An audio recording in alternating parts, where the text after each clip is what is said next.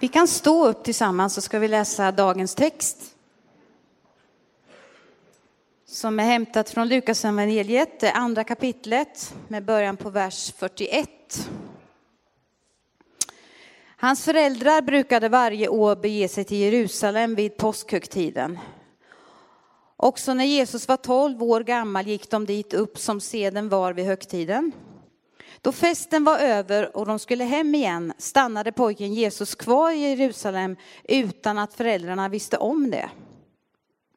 De gick en dagsled i tron att han var med i resesällskapet och frågade sen efter honom bland släktingar och bekanta.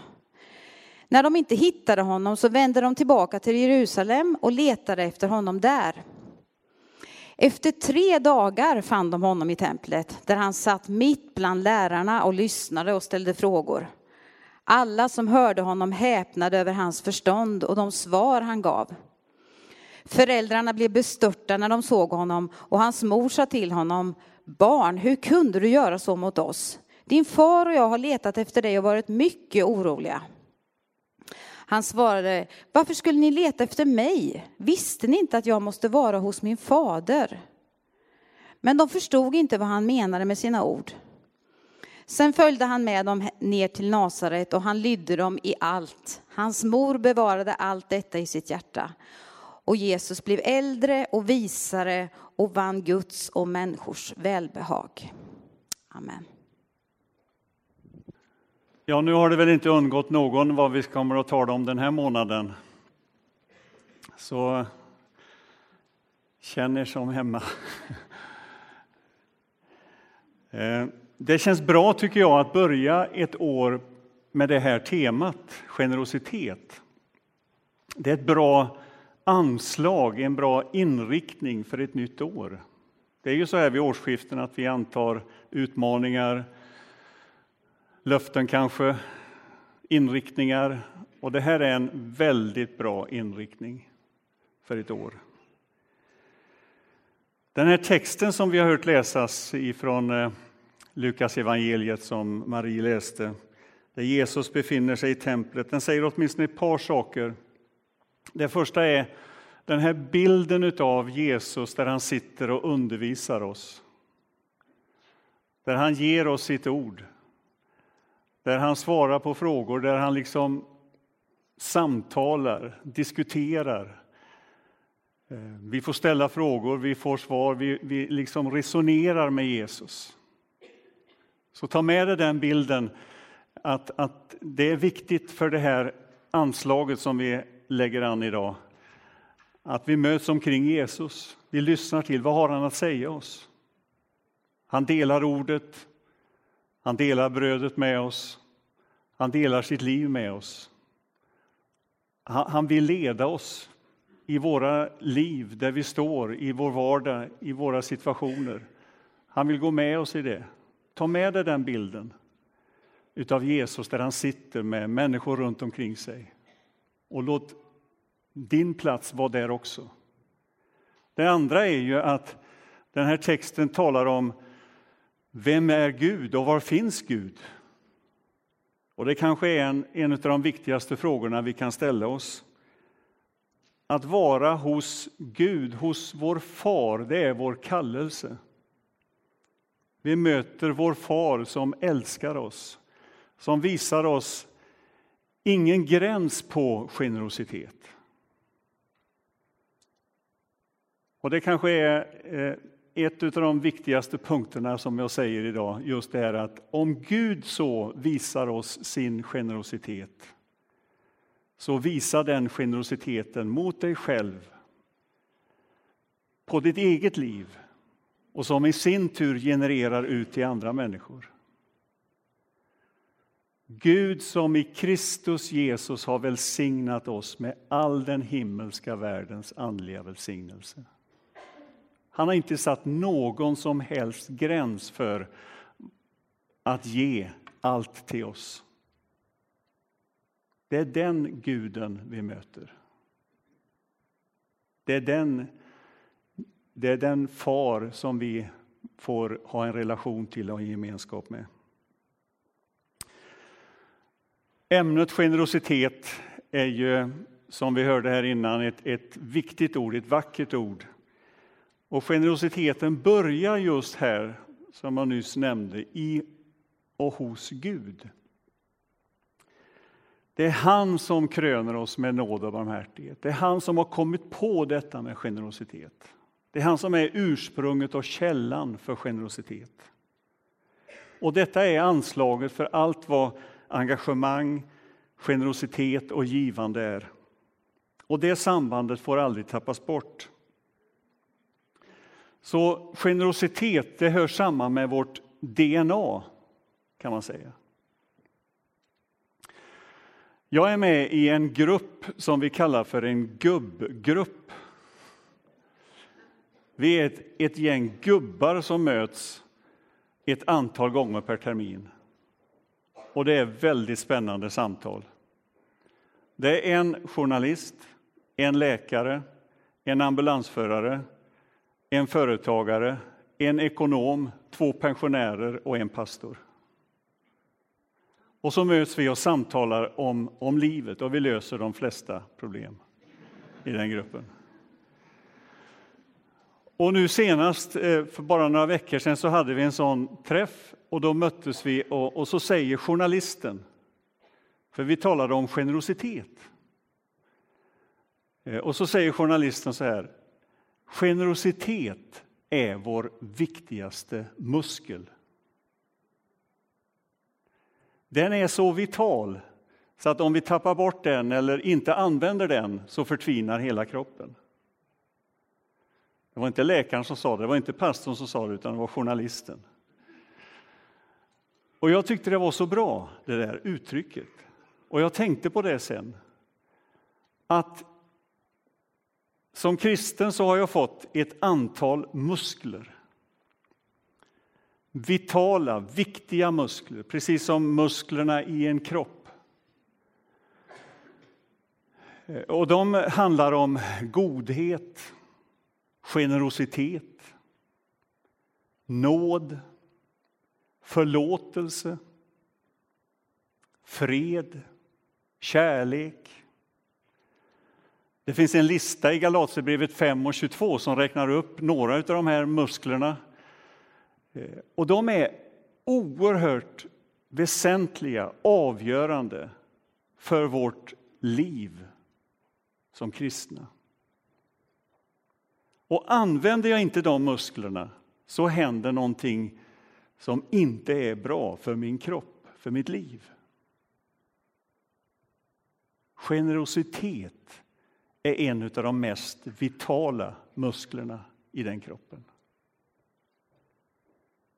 Använder jag den på rätt sätt? Tränar jag den?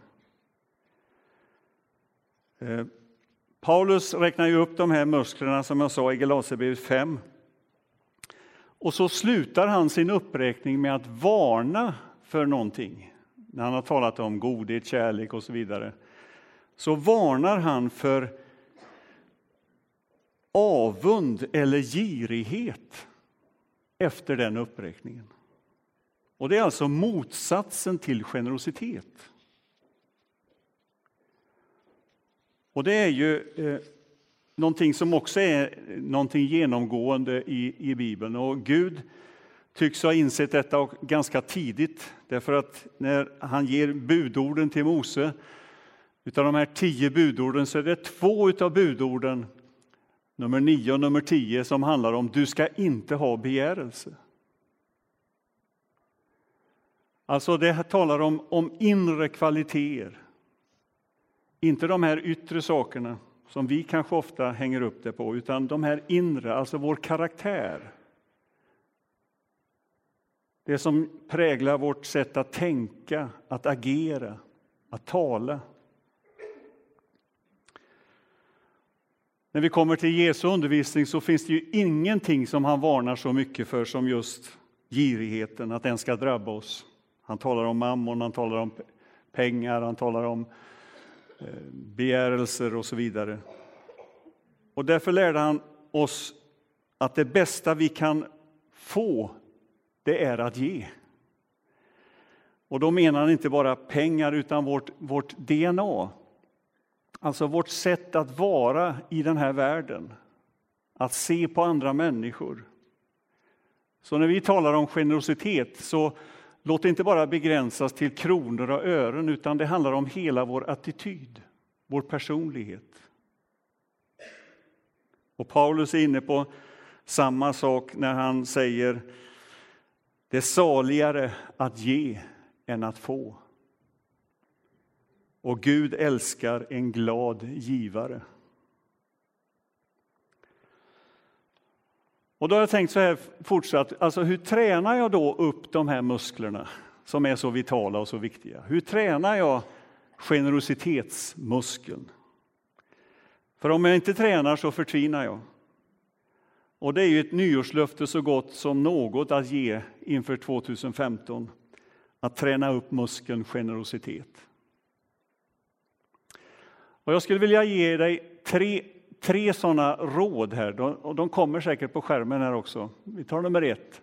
Alltså lär dig allt om vad Jesus, vem Jesus är och vad han säger om generositet. Alltså läs och studera och sätt dig in i vad präglade Jesu personlighet? Vem var han? Vad gjorde han? Hur var hans attityd? Och vad säger han om generositet? Låt det få bli ditt livsstudium under det här året. Att utsätta dig för det, att lyssna in det, att se det. Och det andra är Utsätt dig för och engagera dig i människors behov. Alltså låt den bilden av Jesus, den undervisning han ger, få sättas in i ett sammanhang. Eh, och det finns ju mängder av sätt att engagera sig i andra människors behov. Att bli volontär till exempel inom Räddningsmissionen eller någon annan hjälporganisation. Att finnas med på de olika aktiviteter och verksamheter som finns här i kyrkan. Där vi finns i många olika verksamheter som vi hörde uppräknat här. Alltså, utsätt dig för det. Engagera dig i det. Blunda inte för behoven. Och det tredje, ge regelbundet och generöst. Träna dig i det under det här året. Att ge regelbundet, att ge generöst. Precis det som Joel och Marie berättar om här. Jag tycker att detta är ett bra anslag för att ta med sig inför det här året. I måndags blev jag hjälpnödig. Det här uttrycket hjälpnödig hörde jag från en, ett radioprogram för inte så länge sedan. En person kommer hit till kyrkan med, med en, en familj med sig. Jag vet att den här personen har knappa resurser. Jag vet att den här personen har påfrestande villkor på många sätt. Strax innan jul kom den här kontakten med familjen som inte hade någonstans att bo.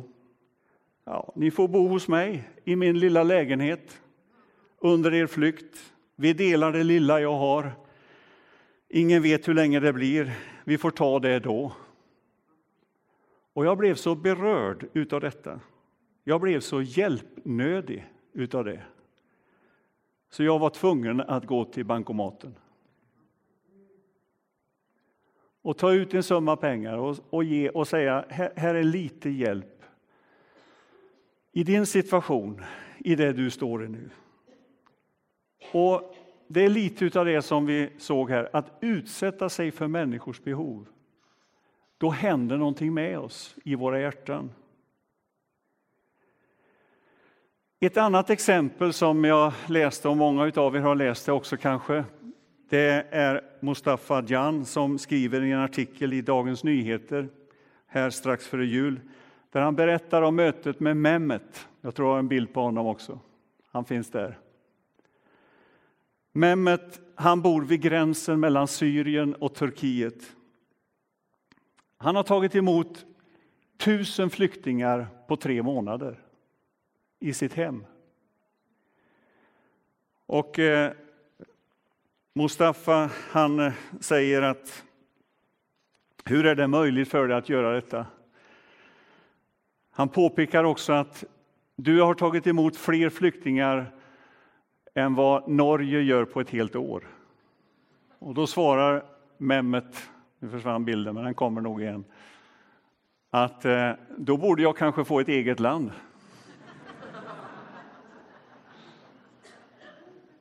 Eftersom jag gör det. Och så frågar eh, Mustafa igen då, hur är det möjligt för dig? Och så räcker Mehmet honom en kikare. Och så ser han med kikaren och han nickar söderut och så ser han in över gränsen. 500 meter på andra sidan gränsen så är det en, en syrisk by och där ser han IS-soldater som springer ut och in i husen. Och så säger Mustafa igen, men, men hur kan du ta emot så många? Ja, jag har två rum, säger han. Jag tar emot 80 åt gången. Och efter några dagar så drar de vidare till ett flyktingläger. Då kan jag ta emot 80 nya. Och så har han tömt sin, sina besparingar som han hade på proviant, på mat, på filtar. Och så har han på det sättet fått ta emot tusen flyktingar på tre månader. Och strömmen fortsätter över gränsen.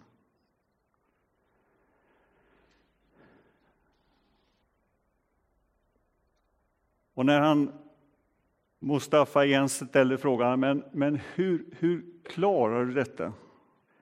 Så svarar Mehmet, jag kan inte göra annat. Jag kan inte göra annat.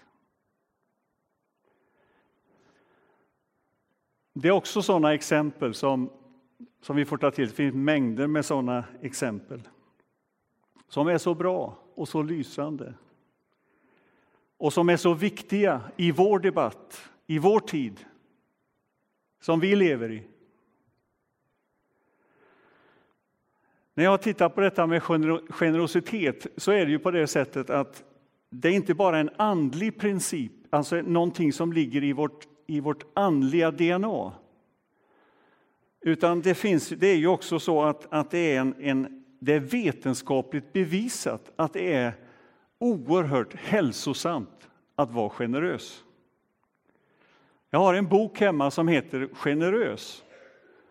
Och där berättas i den boken om ett institut som heter IRUL. Har ni hört talas om det? Institute for Research on Unlimited Love.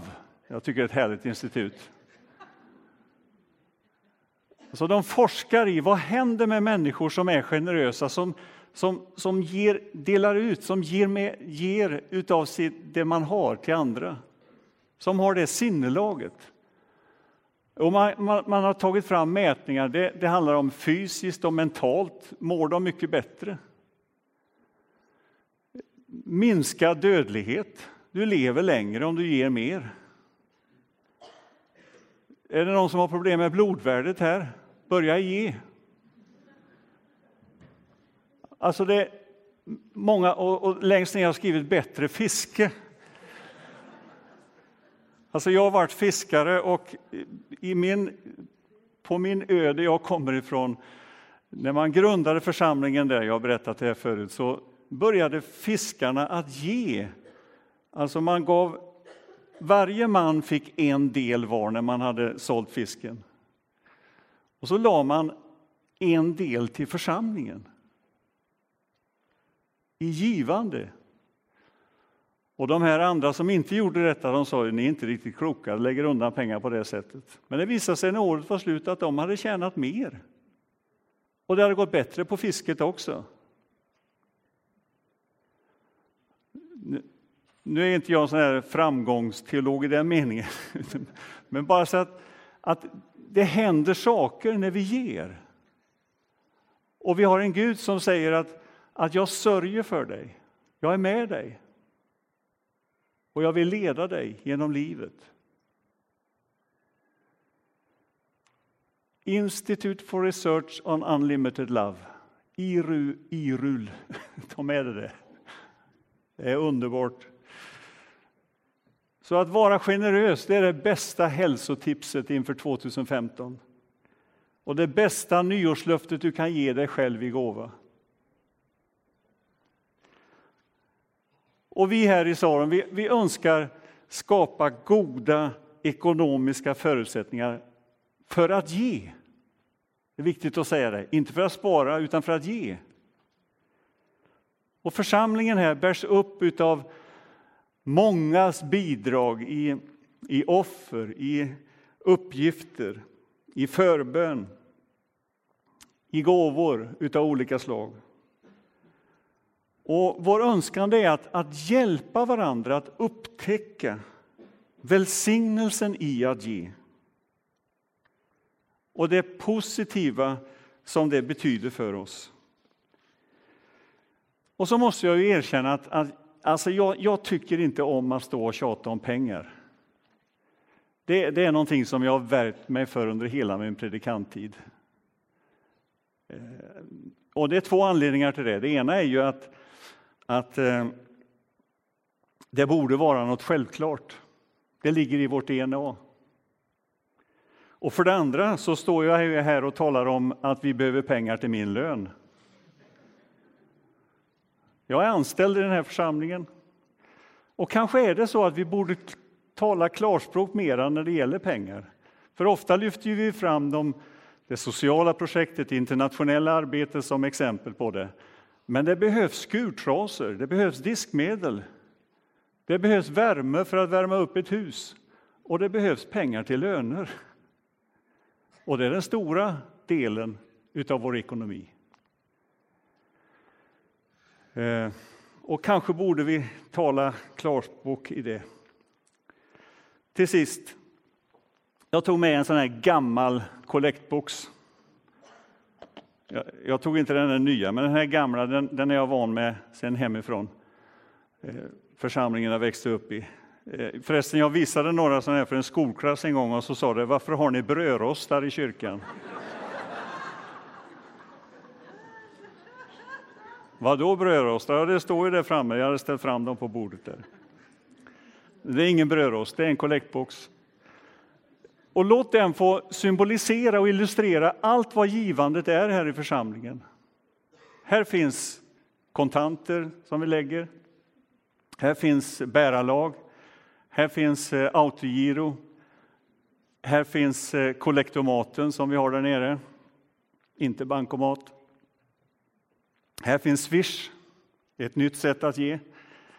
Ja, alla de olika sätt som vi ger. Och eh, i den här lägger vi på ett år ungefär 4,5-4,6 miljoner på ett år. Det är mycket pengar, det är fantastiskt. Men ändå så fattas det lite grann så att vi kommer upp till ungefär 5,1 som är vår budget som vi räknar med. Det här behövs för att vi ska, det ska gå runt, det som vi har sagt och bestämt och beslutat. Och det där glappet emellan där. Och nu har vi hört Marie och Joel berätta om hur det ligger till och så vidare. Men låt den här få vara en påminnelse om eh, och en utmaning till att vi behöver fler som ger generöst och regelbundet. Och lägg det gärna i den här brödrosten eller på något annat sätt. Eh, och till sist, alltså jag tror vi står inför en oerhört stor utmaning. Alltså vi har sett här de senaste åren hur behoven har ökat. Alltså behoven av insatser för människor som bara finns alldeles runt oss.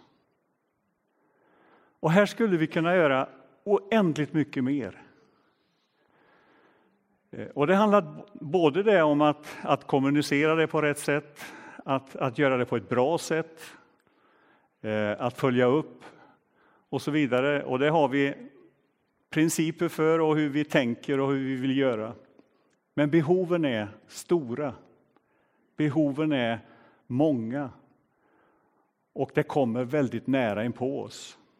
Och om vi ser tillbaka på de sista åren så har det ju faktiskt skett en förändring i vårt land i den meningen att, att det har kommit oss väldigt nära. Vi kan inte bara trycka bort det med vår fjärrkontroll längre, utan vi möter det när vi går ut härifrån.